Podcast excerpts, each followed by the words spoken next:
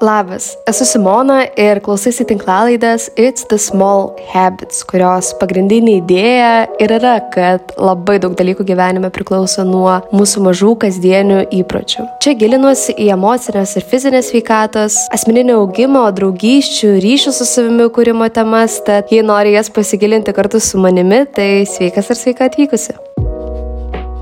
Tai šio epizodo tema yra toksiškas produktivumas. Kažkada produktivumo tema buvo labai didelė mano gyvenimo dalis ir aš labai save pozicionavau kaip neproduktivumo gūrų.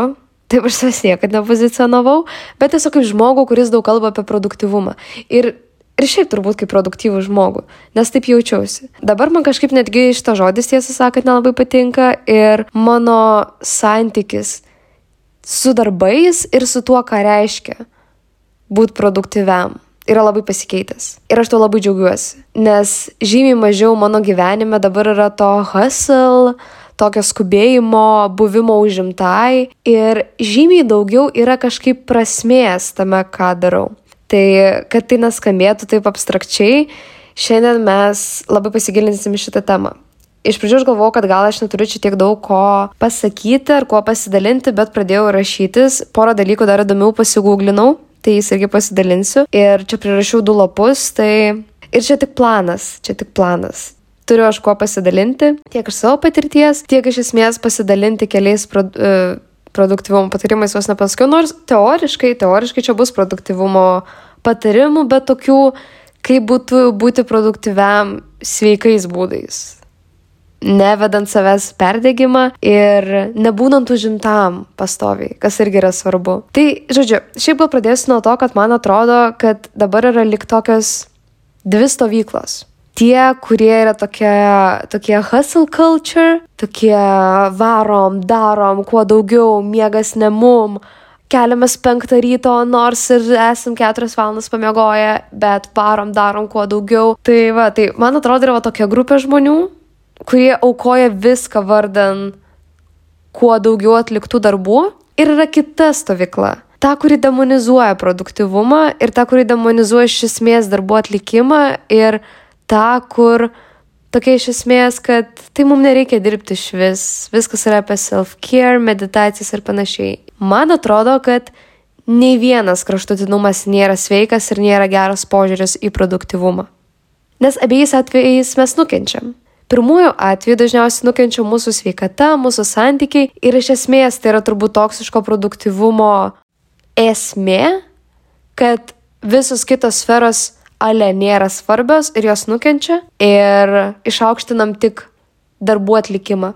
Tačiau mes nukenčiam ir demonizuodami produktivumą, nes mes tada nesiekiam savo tikslų ir mes demonizuojam, nu, man atrodo, mano nuomonė, galima labai paslėpti savo tiesiog tingėjimą arba nebūtinai net tingėjimą iš tikrųjų, nes tas tingėjimas irgi yra toks įdomus dalykas, man atrodo, visat po tingėjimu slypi kažkas. Pavyzdžiui, neseniai uh, žiūrėjau Ugnės iš 8 ananas istoriją ir jinai labai fainai tam padiskutavo, kad, nu, kad už tingėjimo visat slypi kažkas.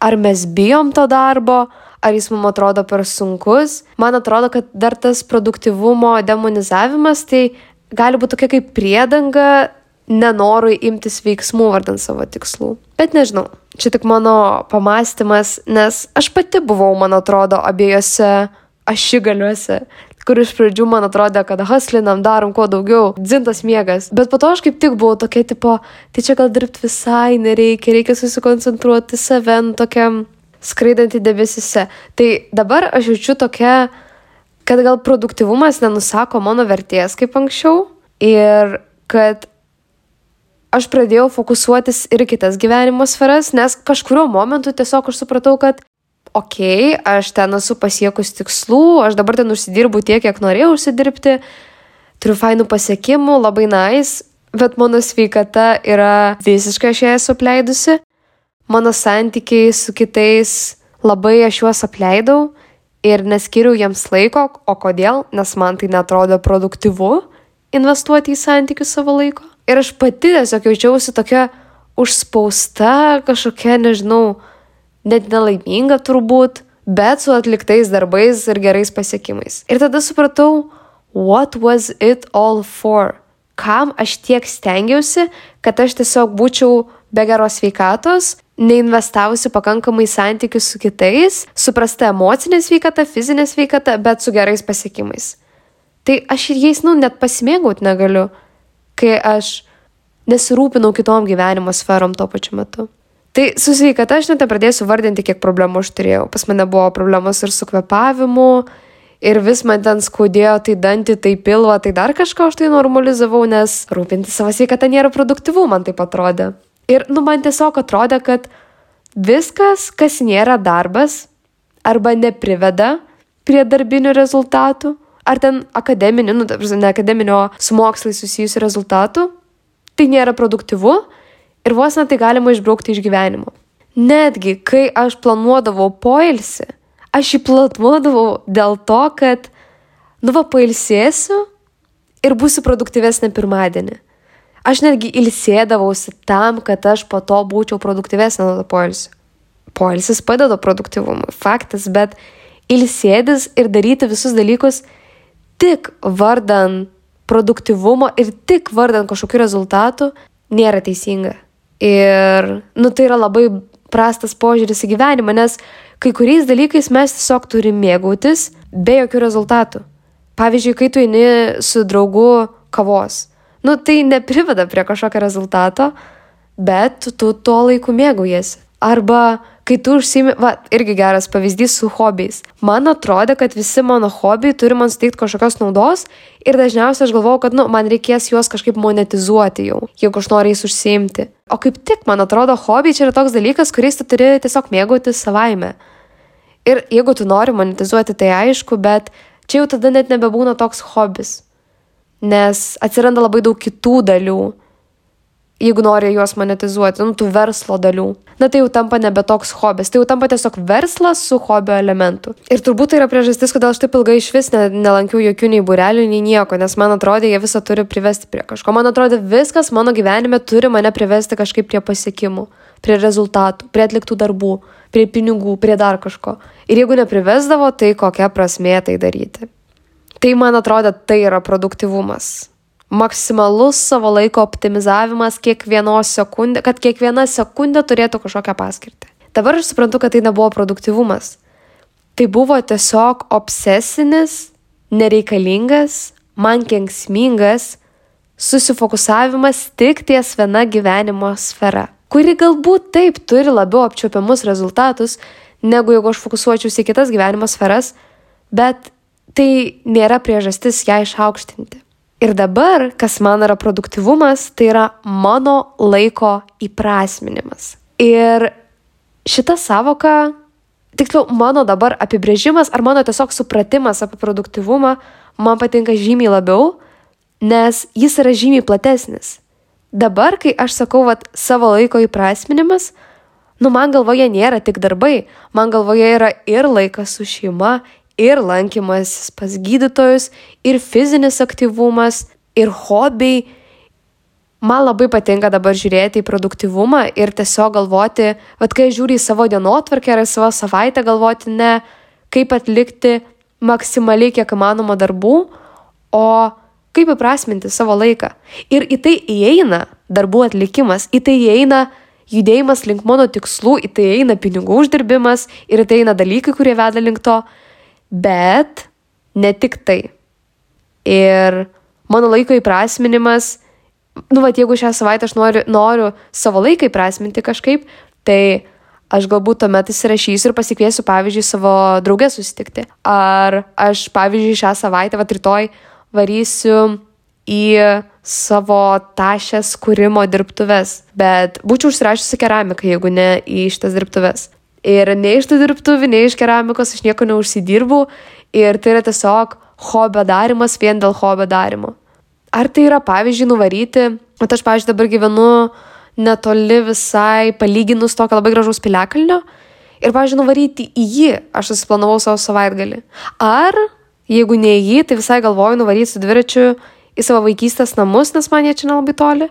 Aišku, aš dabar taip sakau, nu nebuvo taip, kad anksčiau mano gyvenime visai nebuvo veiklų, kurias aš dariau vardan jų darimo, Nes labai dažnai aš sakau, aš galvodavau, pavyzdžiui, apie poilsį ar kažkokias fainas veiklas, arba kad aš ilsėsiuos tam, kad vėliau būčiau produktyvesnė, arba aš galvojau, kad, pavyzdžiui, padarysiu kažką faino tam, kad galėčiau apie tai po to nufilmuoti turinį. Nu, kadangi turinio kūrimas yra mano darbas, tai vėlgi sukasi viskas apie tai, kad dalykų darimas vien tam, kad iš jų gauti kažkokį rezultatą. Bent jau mano mintise į produktivumą žiūrėti kaip į savo laiko įprasminimą yra žymiai plačiau ir tai man suteikia žymiai didesnį pasirinkimą, ką aš apibrėžiu kaip produktyvų laiką, negu tik žiūrėti į tai kaip į darbų atlikimą. Tai man produktyvumas dabar nėra tik prie akademinių, nu, aš taip sakau, akademinių, turiuomenį su mokslai susijusių, kaip man buvo anksčiau, kai aš buvau mokykloje, um, ar prie darbinių dabar pasiekimų vedantis veiksmai, man tai nėra kiekvienos savo sekundės optimizavimas, kad kiekviena mano gyvenimo sekundė man neštų kažkokios naudos. Ir man tai nebėra tik vienos gyvenimo sferos, šiuo atveju darbo, išaukštinimas. Nes anksčiau aš tiesiog gyvenau tuo, kad man atrodė, kad bet kokia mano veikla bet koks susitikimas, bet koks hobis vienaip ar kitaip turi mane vesti prie atliktų darbų arba generuojamų didesnių pajamų ir jeigu nevesdavo, tai aš to neprioritetizuodavau ir, ir neskirdavau tam laiko dažniausiai. Ir aš atsimnu, kaip dažnai, pavyzdžiui, vat man labai šiaip gėda kažkaip tuo dalintis ir aš jaučiu labai didelę kaltę dėl to, kad, pavyzdžiui, labai dažnai mano sesės, kai, pavyzdžiui, man siūlydavo susitikti, aš atsisakydavau, kai man nebūdavo taip, kad degdavo darbai. Nepamirškime to, kad aš dirbu savo ir man nėra taip, kad man reikia eiti į ofisą, mano dienotvarkė visiškai priklauso nuo manęs. Taip man reikia būti labiau disciplinuotai, bet kai aš netgi turėdavau laisvo laiko, bet man vis tiek atrodė, kad netgi jį aš turiu išnaudoti darbams, aš atsisakydavau su juom eiti susitikti. Ir nu, aš stengiuosi dėl nieko gyvenimo nesigailėti ir aš nesigailiu, bet aš tikrai manau, kad aš galėjau skirti tas kelias valandas ne atlikti dar vieną darbą, o susitikti su sesėm ar draugiam. Ar šeima, mama, tėčiu. Ir kartais aš netgi cancelindavau kažką. Pavyzdžiui, kartais, kai aš ten, um, nu, pavyzdžiui, kai aš gyvenau užupyje, čia buvo prieš du metus, ir aš savaitgaliais dažniausiai važiuodavau pas uh, šeimą, tai kartais aš taip last minute parašydavau, kad žinokit, net važiuosiu, nes prisikaupė darbų. Ar man būdavo darbų, kuriuos reikėjo atlikti taip, bet ar aš visada turiu darbų, kuriuos man reikia atlikti taip? Tai jeigu aš viską žiūrėsiu pagal tai, kad man liko kažkiek darbų atlikti, tai aš tik nieko gyvenime nesiplanuosiu. Tai man irgi gal svarbus buvo supratimas tai, kad ne viską svarbu atlikti šiandien. Reikia atskirti, ką svarbiausia atlikti šiandien, kam šiandien yra deadline'as, atlikti tos darbus, turėti aiškias darbo valandas ir atsiminti, kad nereikia visko įspausti į vieną dieną ar net vieną savaitę. Noriu pasidalinti tuo, ką radau Google. Tai, žodžiu, susirašiau šešis ženklus, kad jūs kenčiate nuo toksiško produktivumo mąstymo, I guess. Ir nors juos aš, um, nu, aš tiesiog pasigūglinau apie toksišką produktivumą, kad aš tiesiog gal, uh, nes aš pati turiu įsivaizdavimą, kad kas tai yra, bet kad aš labai į pievas nenuklyščiau su apibrėžimu, aš tiesiog pasigūglinau, kad nekalbėčiau čia tik gridai, kaip aš suprantu tą toksišką produktivumą, bet galiausiai, ką aš paėmiau iš tų Google, tai tiesiog radau ženklus, kad jūs kenčiate, kaip ir galima sakyti, ar kad tiesiog jūs patys turite tą toksišką produktivumą ir visus, absoliučiai kiekvieną iš šių ženklų aš pati patyriau ir Dabar aš tikrai galiu pasakyti, kad tai buvo toksiškas produktivumas. Ir Google'as man tiesiog labai padėjo juos taip um, į paviršių iškelti ir sukonkretinti, kas būtent man buvo tas toksiškas produktivumas. Mane biškiai užknisa kartoti šitą žodžių kombinaciją, nes ir produktivumas man toks yra, kur aš anksčiau labai daug tiesiog kalbėjau apie tai ir man atrodo, kad čia yra viso gyvenimo esmė atlikti kuo daugiau darbų ir tas toksiškas žodis tiesiog atrodo nuvalgytas, nu bet. Bet aš nežinau, kaip kitą, kokį, kokią kitą žodžių kombinaciją galima naudoti, tai liksim prie jos. pirmas tai, kad jauti kaltę, jeigu tu šiuo metu nedirbi ar nesimokai. Ir šitas, man atrodo, yra labai didelė indikacija, kad tavo santykis su darbo ar mokslais nėra pats geriausias. Nes, kaip ir minėjau, kai kuriuos dalykus mes darome tik dėl jų darimo. Ir ne visi dalykai turi mus privesti prie kažkokių rezultatų. Jeigu racionaliai pagalvosi, tai, nu, neturėtum jausti kalties dėl to, kad dabar eini pasivaikščioti. Ar eini susitikti su draugais. Ar šitie dalykai prives prie kažkokio rezultatų nebūtinai, bet irgi šiaip toks dalykas, kad o kas yra tas rezultatas, prie kurio mes norime, kad mus privestų. Turbūt galų gale visi mes norime, kad mus privestų prie laimės. Tiesiog, kad mes būtume laimingi. Aš taip manau, kad čia turbūt daugumo žmonių, nu čia aišku taip abstrakčiai apibendrinus labai, bet, nu, atendo tadei, tai turbūt čia yra tas dalykas, kurio mes visi norim ir ko mes visi siekiam. Ir turbūt daug dalykų, netgi tie patys darbiniai pasiekimai, moksliniai pasiekimai, mes norime, kad galų gale nu, mus kažkaip privestų prie to geresnio gyvenimo. O tas geresnis gyvenimas mus privestų prie to, kad mes jaustumėmės laimingi ir patenkinti. Svarbu atsiminti turbūt, kad ne vien darbiniai ir moksliniai pasiekimai mus prives prie laimės pojūčio. Iš esmės mūsų kokybiška kasdienybė, kas mano nuomonė ir yra tą, kuri turi savyje ir hobių, ir kabutėse neproduktyvių veiklų, kas būtų susitikimai su draugais, pasivaikščiojimai, nežinau, fizinis aktyvumas ir panašiai, žodžiu, viskas, kas neįeina į darbą ar mokslų. Skėti. Nežinau, kas naudoja išriškimą skėti, bet, bet nežinau, man tiesiog patinka visą tai įsivaizduoti, kad skėtis toks kaip apgaubė kažką. Nu, žodžiu, gerai, um, net ten, man atrodo, nuklystu su savo mintim. Tuomet Jeigu mes galvojame, kad mūsų veiklos turėtų mus privesti, ne, kad tas galutinis, galutinis rezultatas, prie kurio mes norime, kad mus privestų mūsų laiko leidimas, yra laimės pojūtis, tai tuomet susitikti, nueiti su kažkuo ir visi prieš tai vardinti mano dalykai, jie priveda prie to rezultato. Ir tada mes juos galim traktuoti kaip produktyvius. Ir tuomet ir darbiniai moksliniai dalykai, ir visi kiti, kabutėse, neproduktyvūs dalykai mus priveda prie to didesnio pasitenkinimo gyvenimu. Vieni greičiau, kiti šiek tiek vėliau. Nu, bet čia turbūt yra dar plona linija tarp, pavyzdžiui, kur mums atrodo, kad paskrolinti yra faina, ar žiūrėti Netflixą visą dieną yra faina ir visko, sakai, yra kartais turėti tokių dienų. Irgi. Negraužkit savęs, jeigu turi tokių dienų. Tai, tai yra visiškai normalu. Aš pati turiu tokių dienų, kartais dažniau, kartais rečiau, it's ok, bet um, lengva turbūt irgi nuklysti į tai, kas mums suteikia tos tokios momentinės laimės.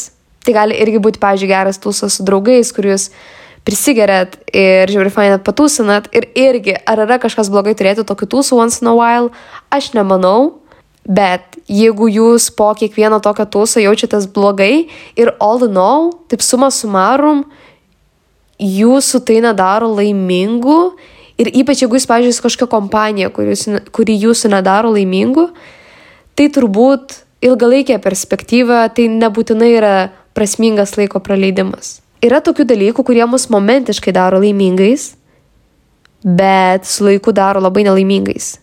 Turbūt yra svarbu tiesiog nuolatos savęs klausti, ar mane tai daro laimingu ir ar mane tai daro laimingu ilgoje perspektyvoje. Nes irgi, pavyzdžiui, yra toks dalykas kaip skrolinimas, kur momentiškai, turbūt, kol tu skrolini, ne tik, kad tu jauties laimingu, šiaip dažniau net atvirkščiai, nes lyginės daug su kitais, bet, nu, momentiškai, kol tu skrolini, tu jauti kažkokį pasitenkinimą, tu gauni entertainmento, jeigu būna jokingi video, tu turi ir pažvengi, bet jeigu tu labai daug skrolini, kiekvieną dieną, dieną iš dienos, daug labai turinio vartoji, tai turbūt sutiksite, kad laimės lygis nuo to tik mažėja ir tas pasitenkinimo gyvenimu lygis tik mažėja. Tai va, tai man atrodo, dėl to yra svarbu nuolat savęs klausti, kokie dalykai gyvenime mus veda prie ilgalaikės laimės. Nes šiaip ta ilgalaikė laimė man toks kažkaip skamba abstrakčiai dalykas, bet turbūt nu, mes visi jaučiame, kas mums yra ta ilgalaikė laimė. Pavyzdžiui, aš žinau, kad man tai tikrai yra susilaikimas nuo paskrolinimo. Ir man tai yra kuo daugiau fizinės veiklos, nes absoliučiai kiekvieną kartą pasportuodama ar pasivaikščiodama ar tiesiog pabūdama griname ore aš jaučiuosi laiminga. Taip pat kokybiškas laikas su mano draugais ir šeima visą laiką prisideda prie mano ilgalaikės laimės. Užsiemimas mylima veikla. Bet man visat kažkaip, nu, pastaruoju metu man labai patinka gilintis laimės temą ir nes aš suprantu, kad liktai visų mūsų žmonių teoriškai, teoriškai tikslas yra būti laimingiems, bet mes tiek daug dalykų darom, kurie mūsų nedaro laimingais. O taip dažnai mes darom dalykus arba dėl kažkokios varnelės, arba dėl to, kad jie iš šono atrodo gerai, arba dėl to, kad jie padarys laimingą kažką, arba dėl to, kad mes iš šono atrodysim laimingi, arba tiesiog dėl to, kad mes momentiškai esame laimingi ar patenkinti. Tai jo, būtų gal įdomu padaryti atskirą podcastą apie laimę, kad ir kokia jinai abstrakti yra. Ir dar supratau, kad laimė yra fokusas į kasdienius dalykus ir į procesą. Ne tik į didelius tikslus, bet fokusuotis į savo kasdienybę. Nes tavo gyvenimas nesusideda, tiksliau, susideda, bet labai mažų procentų iš kažkokių didelių įvykių. Didžiaja dalimi tavo gyvenimas susideda iš tavo kasdienybės, iš tavo rutinos. Tai make sense apgalvoti, kaip kasdienė rutina gali tau teikti kuo daugiau įmanomą pasitenkinimo. Aš žinau, kad aš esu privilegijuota, kad aš dirbu nuotolinį darbą ir aš neinu į mokyklą ar universitetą, tai realiai aš savo dienotvarką galiu labai lankščiai planuoti. Na, bet pavyzdžiui, mane laiminga daro, ai, nu pavyzdžiui, mane laiminga daro mano keramikinis gražus padelis ir mano nulipdyta lėkštė, iš kurios aš valgau. Mane daro laiminga kasdien, kad aš einu 15 minučių į savo balkoną užsirašyti mintis. Mane daro laiminga, kad aš savo kavai skiriu to undistracted time, kur aš neskrolinu, kol gaminu kavą, nes, nu, aš ten gaminu kavą su savo visokiais filtrais, te visokiais įrankiais ir dėl to tai man biški užtrunka. Ir man labai patinka tas 15 minučių skirti tiesiog tyloje. Aš dar pati gal netradau ne tiek daug dalykų, bet turiu minį, kad atrasti va taip va kasdien dalykų kažkokių, kurie tave eksaitina ir kurie tau suteikia daugiau pasitenkinimo jausmą. Tai va, tokie mano pamastymai laimės tema ir mes galime tęsti mano tų punktų sąrašą. Nes aš iš pirmo punkto taip išsiplėčiau, kad aš nežinau, kada šį tinklalaidą užbaigsiu, jeigu tiek su visais punktais išsiplėsiu. Bet... O dar aš labai atsiprašau už savo užgulusi nosį. Tiesiog aš, aš praeitą savaitę, kodėl neįkėliau epizodų, tai dėl to, kad aš sirgau ir aš darbiškai sirgau, aš darbiškai kosiu ir man dar šiek tiek yra užkimus nosis. Neužkimus užgulus. Tai žodžiu, tikiuosi nelabai trigerina. Tai antras punktas tai, kad tu visat galvoji apie darbus ir mokslus. Netgi, kai tu eini į brančą su savo drauge ir jūs kalbatės apie gyvenimą, vis tiek kažkur savo galvoj tu mastai apie tai, kiek tau reikia dar pasiruošti kontrolį, kuris bus, arba tu vis dar galvoji, kiek e-mailų, pavyzdžiui, rytoj tau reikės atsakyti. Galbūt karts nuo karto apie tai pamastyti yra sveika, bet jeigu tu pastoviai negali mintimis atsijungti nuo savo darbų ar nuo savo mokslo, tai yra jau toksai ženklas, kad reikėtų susimastyti apie savo santyki su produktivumu.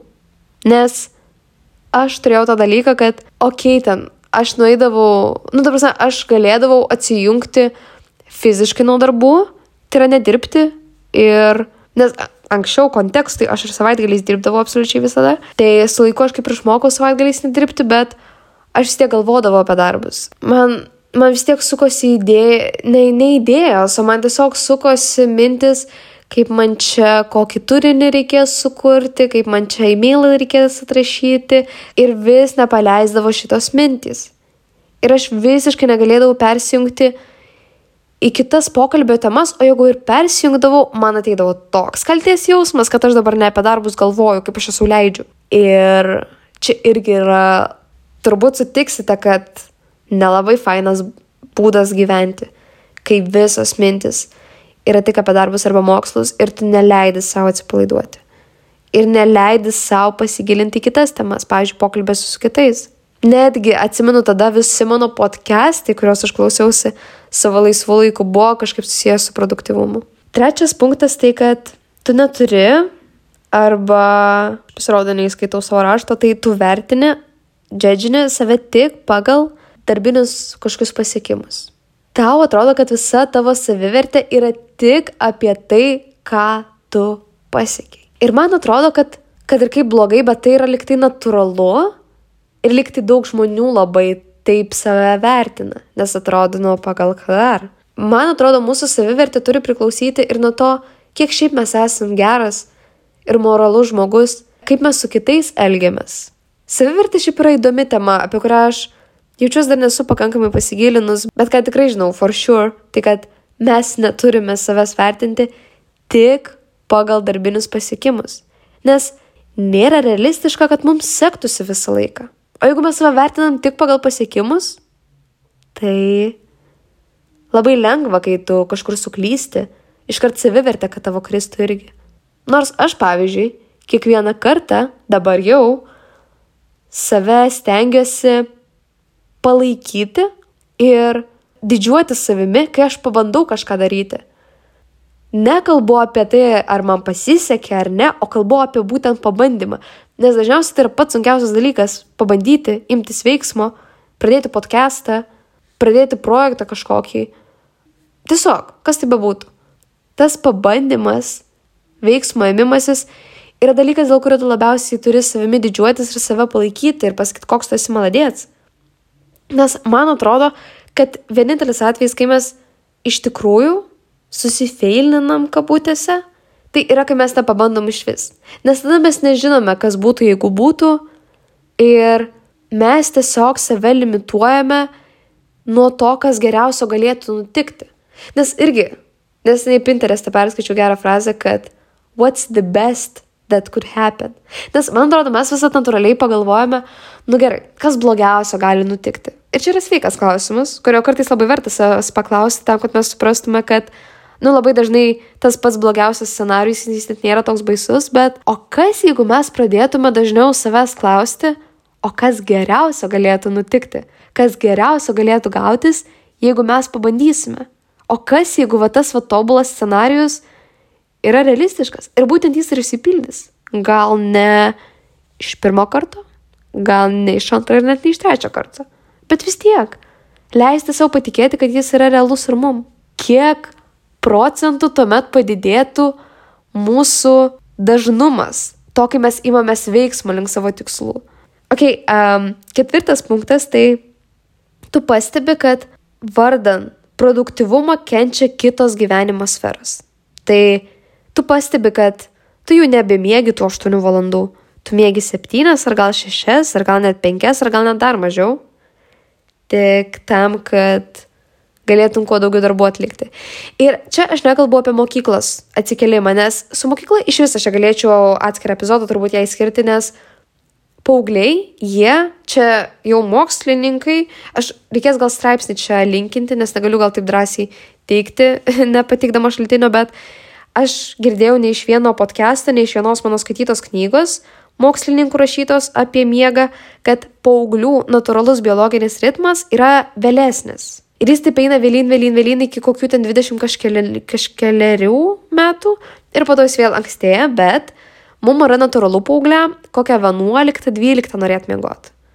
O pas mus pamokos atsiranda 8. Nu tai mes, ne, nu dažniausiai, tai mes negalime teoriškai iki pamokų pradžios va miegoti tas 8 valandas, Ir tada, nu, irgi visiems žmonėms šiaip truputėlį skiriasi, nu, bet jeigu imsime tą standartinį 8 valandų, tai kartais yra netgi nerealistiška išmiegotas 8 valandas paaugliam. Tai čia yra visai kita tema. Bet jeigu jūs savo norų aukojate miegą vardan geresnio, kabutėse, laiko išnaudojimo, tai čia jau yra red flag ir čia jau yra signalas, kad su produktivumu nėra pats geriausias santykis. Ir ne tik sveikata, ne tik miegas. Um, jūs, pavyzdžiui, praskipinat pietus tik tam, kad turėtumėte ekstra valandą padirbėti. Arba nukenčia jūsų santykiai. Jūs atsisakote dažnai susitikimų tik tam, kad galėtumėte ekstra padirbėti. Kartais yra gerai atsisakyti kažkokių tūsų, kaip ir minėjau, ten jeigu jūs žinote, kad jūs po to jausitės blogai, bet čia irgi, manau, yra kita tema. Jeigu jūs matote, kad taip va chroniškai kenčia jūsų santykiai su šeima, su draugais, su partneriu, dėl to, kad jūs visą save atiduodate darbam ar mokslam, tai čia nėra geras dalykas. Nes pagalvokite po penkių metų, kas jums bus svarbiau, ar geri santykiai, geri sveik, gera sveikata ir fizinė, ir emocinė? Ar labai daug pasiekimų? Turbūt, kad ir tas ir tas bus svarbu, bet gal sutiksite, kad nėra svarbu tik tas, tik tie pasiekimai. Ir penktas, ai, da, penktas, bus šeštas dar, tai penktas tai, kad naudojate mm, šitas, o jėzu, aš šitą taip naudojau, tai kad naudojate darbus ir mokslus, kad escapint ir bėgti nuo problemų blemba, kaip man buvo taip nefaina savo pripažinti, kad aš va šitą dalyką turėjau, kad kai aš norėjau pabėgti nuo savo problemų, kai aš norėjau nesusidurti su savo mintim, aš eidavau dirbti. Nes visų pirma, aš tuomet turėjau kur mintis nukreipti ir man nereikėjo su jom sėdėti, nereikėjo sekapstytis. Visų antra, tai skambėjo tiesiog kaip geras pasiteisinimas. Eisiu padirbėti. Taigi čia yra produktyvus laikas. Ir visai nesvarbu, kad dirbdama aš nesigilinu į kažkokias problemas ar savo emocinius patyrimus. Taigi aš dirbu, čia yra svarbiausia. Man taip atrodė. Nu tiesiog žiauriai man atrodo patogus pasiteisinimas, kurį aš asmeniškai labai naudojau. Labai man patiko pažiūrė save apgaudinėti, kad aš produktyviai leidžiu laiką, nors iš tikrųjų aš tiesiog bėgau nuo problemų su darbais. Ir aišku, aš galėjau savo tiesiog susigalvoti labai daug projektų, kad būčiau visat busy ir nesigilinčiau savo mintis, savo problemas. Kai aš tai supratau, aš neiškart pradėjau kažką keisti, nes man atrodė, nugi turiu aš tiek daug darbų, aš tiesiog prisipažinau savo, bet toliau save apgaudinėjau. Ir reikėjo kažkaip man laiko, kad aš kartais vietoj ekstra darbo aš nueičiau ir užsirašyčiau tas mintis. Ir išsiverkčiau. Ir pafeisinčiau jas. Ir suprasčiau, kad, nu jo, gerai, aš nefainai jaučiuosi. Ir galbūt aš pabandysiu neslopinti tą jausmą, o pilnai išsiaiškinti viską, ką aš jaučiu. Ir va tada galbūt, galbūt aš padarysiu tą ekstra darbą, o galbūt dar geriau aš jį perkelsiu rytoj. Jeigu jis, aišku, nedegantis. Ir nėra deadline jokio. Bet irgi manau, kad jeigu yra pastoviai degantis darbai ir tu pastoviai kažkur lieki skubi, tai irgi galbūt yra ženklas, kad per daug apsikroviai darbais. Arba jeigu freelancini, arba pats savo tos darbus dėlioji, tai galbūt šiek tiek per mažai prašai atlygio už darbus jeigu tau reikia jų tiek prikaupti, kad tu, pavyzdžiui, geriau užsidirbtum, kad tu tiesiog nebespėjai fiziškai. Na ir šeštas tai, kad pastoviai jauti nerimą. Aišku, pastoviai jausti nerimą, čia labai daug priežasčių dėl to gali būti, bet aš asmeniškai, kai nustojau visą savo dėmesį skirti tik į darbus ir kai nustojau visą savo gyvenimą vertinti tik pagal darbus atliktus rezultatus, mano nerimas labai sumažėjo, labai sumažėjo. Prie to prisidėjo ir tai, kad aš nustojau kavą gerti rytais. Tiksliau, aš ją geriu rytais, bet nuo atsikelimo aš palaukiu dažniausiai dabar jau 3 valandas. Aš tuo metu geriu arbatą, vandenį ir tik tada aš geriu kavą. Ir šitas dalykas, aš, aš žinau, kad buvau įsitikinus, kad mano nerimas nepriklauso nuo mano kavos. Aišku, aš to norėjau tikėti, nes man patiko rytais tik atsikėlus gert kavą, bet žinau, kad priklauso. Ir biologinis ritmas mūsų taip pat priklauso nuo to, kaip mes geriam kavą. Ir jeigu mes ją geriame iki kokių dviejų, geriausiai iki dvyliktos, bet 2-3 valandas nuo prabudimo, mūsų organizmo biologinio ritmo pastovumui tai yra žiauriai geras sprendimas. E, rekomenduoju pasis, pasiklausyti Dr. Huberman Lab podcast'o. Jis žiauriai įdomiai ir aiškiai ir paprastai šneka vat, apie visą šitą sveikatingumo, miego, mytybos, fizinio aktyvumo temą. Man labai patinka. Dievinu šitą podcastą. Dievinu. Ir dabar išrašiau tokius kaip šešis patarimus iš mano patirties, kaip būti produktyviam, bet in a healthy way. Tai yra neperdegant, neaukojant kitų savo gyvenimo sferų.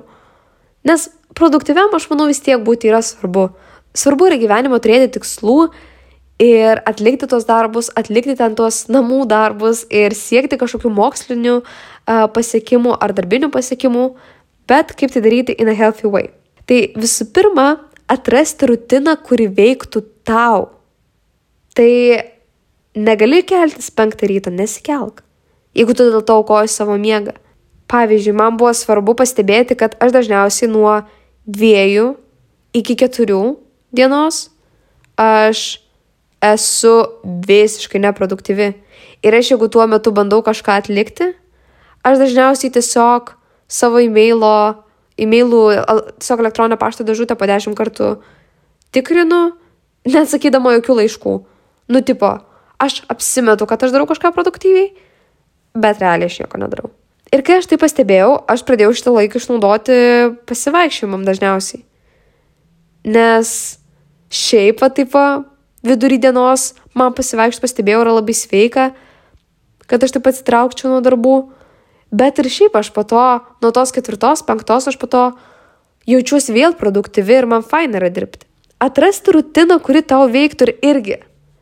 Tai kiek mokosi kitas, tai kiek dirba kitas, tai nebūtinai tavo pajėgumai yra tokie patys. Nes man anksčiau atrodė, kad yra viskas ok 12 valandų per dieną dirbti kiekvieną dieną prie kompo. Dabar aš dirbu kokias 4-5 valandas. Ir aš jaučiuosi dar produktyvesnė. Vietoj to, kad aš būčiau užimta ir daryčiau tik tam, kad daryčiau, ir daryčiau tik tam, kad užkimšti savo dieną darbais, aš pradėjau klausti savęs, ką man iš tikrųjų yra svarbu padaryti. Pasirodo, kad tų iš tikrųjų svarbių darbų nėra tiek daug ir kad labai daug dalykų, kuriuos aš dariau, jie net nebuvo svarbus tokiam mano darbui. Pavyzdžiui, e-mailus tikrinti penkis kartus per dieną. Man užtenka vieno karto. Arba, o dieve, aš atsimenu, kai vieną kartą aš tiesiog savai tikinau, kad man dabar savo sąskaitas faktūras, jų dizainą padaryti labai gražų yra svarbu. Nu tikrai ne. Dabar aš galiu tai padaryti, why not, bet tai nėra svarbus darbas. Ir aš pastebėjau, kad aš labai daug dariau tokių nesvarbių, bet atrodančių svarbiai darbų ir įtikinėjau save, kad aš esu produktyvi, nu ir tada viskas susidėdavo į tas 12 darbo valandų, ar ten 10. Gerai, 12 aš retai dirbdavau per dieną, bet 10 tai tikrai dažnai. Ir dabar, kai aš tiesiog išsigryninau, kas yra tikrai svarbus darbai, aš dirbu 4-5 per dieną, kartais 3. Ir vėlgi, žinau, žinau, aš dirbau pati savo, tikrai ne visiems tinka šitas dalykas, bet jeigu jūs galite savo kažkaip pritaikyti tą principą, tą pastovų klausinėjimą savęs, kas iš to, ką aš darau, iš tikrųjų yra svarbu, o kas yra tik tai, tai kas mane daro užimta, tai irgi yra labai game changer. Kitas dalykas, kaip jau minėjau, tai darbų prioritetizavimas ir išsigryninti, kas šiandien yra svarbu ir skubu. Žinot, gal yra tas toksai, aš neatsimenu tiksliai pavadinimo, aš dėsiu podcast'o aprašymą, yra tas toks kvadratas prioritetų, kur tu pažymi, kas šiandien yra svarbu ir skubu, kas šiandien yra skubu, bet nesvarbu, kas yra svarbu, bet neskubu ir kas yra nei svarbu, nei skubu. Svarbius ir skubius darbus atlikti pačius pirmus, tada skubius, bet nesvarbius, nelabai svarbius, ir tada svarbius, bet neskubius. O tie, kur nei svarbus, nei skubus, tos apšiai galima nedaryti. Ir pagal tokį prioritetizavimą, tu šiandienai susidarai tokį tudulistą, kur tikrai svarbu yra šiandien būtent atlikti. Ir labai kartais yra protinga atidėlioti darbus, neprokrastinuoti, o tiesiog žinoti, kokie darbai šiandien nedega ir juos susiplanuoti rytojui. Ką gali padaryti šiandien, padaryk šiandien, bet atsimink, kad tavo energija šiandien, tavo produktivumas šiandien ir tavo vidinis resursas dirbti, mokytis, jis yra ribotas ir jis negali įveikti neriboto tutilisto. Trečia, tai kalendorijoje pasižymėti ne tik darbinius dalykus, bet ir asmeninio gyvenimo įvykius. Čia gal pritaikoma labiau tiems, kurie yra labai kalendoriaus žmonės, aš esu labai kalendoriaus žmogus, tai yra dažniausiai tai, kas pas mane nėra pažymėta kalendorijoje, aš to neprisiversiu padaryti. Ir aš kai pradėjau kalendorijoje žymėtis, susitikti su kažkuo, aš pradėjau iš tikrųjų skirti šitiem dalykam laiko, nes jie atsirado mano kalendorijoje. Ketvirtas punktas vadinasi professional detachment. Aš nesu tikra, kaip tiksliai galima išversti lietuvių, bet iš esmės tai yra tiesiog savo darbo ar savęs, kaip pavyzdžiui, ten mokinės ar mokinio, atskirimas nuo savo identiteto. Ir pradėti savęs klausinėti, kas tu esi. Toks labai egzistencinis klausimas, bet pradėti savęs klausinėti, kas tu dar esi be savo darbo ir be savo mokslų. Ir kartais tai yra toksai labai vos nebaisus klausimas, nes atrodo, kad, nu nežinau, niekas. Uh, nu, aš taip galvojau, atsimenu, kai savęs paklausiu. Simona, uh, aš nežinau, kas aš dar esu. Nu gerai ten. Esu dar ir dukra, sesė, draugė, esu dar ir keliautoja, esu dar ir uh, mėgstantis gaminti žmogus. Esu dar ir šunų ir kačių mėgėja, esu dar dviračių mėgėja, nu žodžiu, kai taip labiau savyje pasigilinu, aš atrodo, nu gerai. Yra mano identitete, jokingas žodis, e, daugiau dalių negu tik mano darbas. Ir kai tu savyje atrandi, kas tu dar esi be savo darbo ar mokslų, tampa lengviau neprioritetizuoti tik darbo ar mokslų. Kitas punktas tai nustatyti laiką kalendoriuje ar pasižymėti kažkokį momentą dienoje, nuo kurio tu atsijungi pilnai nuo darbų ir mokslų. Jeigu jums nesiseka to daryti dar natūraliai, tai galima pabandyti savo susikurti kažkokią ribą dienoje, nuo kurios tu visiškai atsiriboji nuo darbo ar mokslo. Man asmeniškai tai yra 8 vakaro. Dažniausiai. Čia, nu, nėra taip, kad idealiai visat pavyksta to laikytis, bet nuo 8 vakaro aš stengiuosi pilnai atsiriboti nuo darbo ar mokslo. Tiksliau, mano atveju tik nuo darbų, nes aš dabar nesimokau. Ir toks ribų turėjimas yra turbūt fake it till you make it dalykas, nes jeigu tau natūraliai nepavyksta atsiriboti, tai susikurk savo valandą. Ar kaip pavyzdžiui, nu žmonės ten su vaikais jau, žinau, kad uh, kai kurie daro taip, kad kai jų vaikai grįžta iš mokyklos, va tada jie va tuo momentu jau pilnai atsiriboja nuo darbų. Ir iš pradžių vėlgi gali turbūt kamuoti toks kalties jausmas, bet su laiku tu suprasi, kad koks vertingas yra tas laikas atsiribojant nuo darbo ar mokslo. Ir šeštas punktas - kuo daugiau tu darysi dalykų, kurie yra faini patys iš savęs, bet nepriveda prie kažkokių pamatuojamų rezultatų, tuo labiau tu suprasi, kad iš tikrųjų jie prideda labai daug vertės tavo gyvenimui. Tiesiog, kad jinai nėra taip pamatuojama, kaip galbūt ten tie produktyvūs dalykai. Ale. Irgi fake it till you make it. Nes aš kai pradėjau save vos, nu, galima sakyti, versti daryti daugiau tų dalykų, kur man netrodo produktyvus, aš supratau, kad šiaip tais jie yra labai vertingi. Ir jie gal man nesuteikia pamatuojamų rezultatų, bet jie man suteikia gerokai didesnį pasitenkinimą gyvenimu. O ar tai yra svarbu, aš manau, kad tikrai taip. Tai va, ir pabaigai gal noriu tiesiog padiskutuoti, kodėl mūsų visuomenė iš esmės yra toks įprastas tas toksiškas produktyvumas, nes aš ginčičiausi, kad jis yra labai įprastas. Ir kad daug žmonių perdegimas, pagalvokim, koks perdegimas dabar yra casual žodis. Kaip dažnai, jo, jo, jaučiuosi perdegus, jo, jo, jaučiuosi pervargus, išvargusi, mirusi, kaip užkniso dirbti ir mokytis pastoviai. Čia yra neretenybė. Čia yra vos ne kiekvienam pasitaikantis žmogus. Ir netgi skaičiau statistiką, kurios visiškai neatsimenu, bet esmė yra tokia, kad jau beveik mum visiems yra, mes jau vos nepriimam, kad kai mes dirbame, mes susidursime anksčiau ar vėliau su perdegimu. Ir man atrodo tai antiek blogai, kad mes tai normalizuojam. Tiksliau, kad, nu taip, nutiko, kad mūsų visuomenė yra tokia susifokusavus darbus ir mokslus, nes jie dažniausiai priveda prie pamatuojamų rezultatų, kad mes tiesiog jau esam normalizavę visą tą perdegimą, persidirbimą, persimokymą, nedamiegojimą, nepakankamą pavalgymą. Pastebėkit, kaip dažnai, kai jūs kažko paklausot, kaip jiems sekasi ar kaip jie, jie atsako, ojoj, aš tai labai užsiemęs. Tiek darbų, tiek mokslų, nieko nespėjau. Nu čia yra antiek dažnas dalykas, bet ne visat geras. Aš ginčiausi, ar yra gerai visat būtų žimtam. Nes atrodo, kad liktai mūsų gyvenimas yra vertingesnis kažkuo, kai mes visat užsijėmė, arba kad mes, mes esam kažkuo geresni, jeigu mes pervargę, nes tai liktai yra ženklas, kad mes esame labai darbštus, esame labai atsidavę, mes įdedam daug pastangų ir turbūt tam yra dalis tiesos, bet tai taip pat reiškia, kad mes neglektinam savo sveikatą, fizinę, emocinę, kad mes nesugebame pasidaryti ribos tarp darbų ir mokslo, tarp darbų, mokslų ir poilsio ir asmeninio gyvenimo. Tai aš ginčiausi, ar visą tai yra geras indikatorius, kad mes esame visi užimti. Ir atrodo, kad kuo daugiau tu darai, tuo daugiau tavimi žavisi vos ne.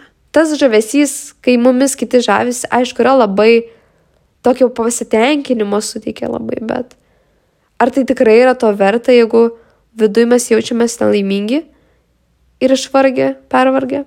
Ir aišku, manau, prie to labai prisideda tai, kad buvo toks bumas visų tų saviugdos temų, kurios labai daug šneka apie tikslų siekimą ir produktivumą.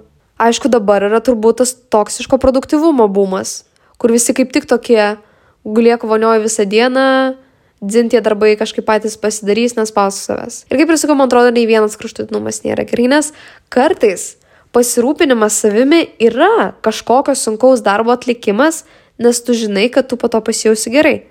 Pavyzdžiui, aš žinojau, kai vat, artėjo gegužės mėnuo, nu va šį mėnesį aš žinau, kad man reikia deklaruoti pajamas.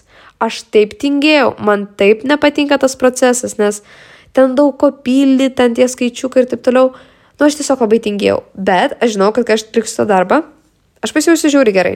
Kartais pasirūpinimas savimi yra to nefaino darbo atlikimas. Tai šitam epizodė aš kiek įmanoma bandžiau atrasti, kur yra ta linija, kur yra ta riba tarp toksiško produktivumo ir produktivumo demonizavimo. Nežinau, kiek man pavyko, bet pasidalinau gal iš savo patirties ir tuo, kas man padėjo.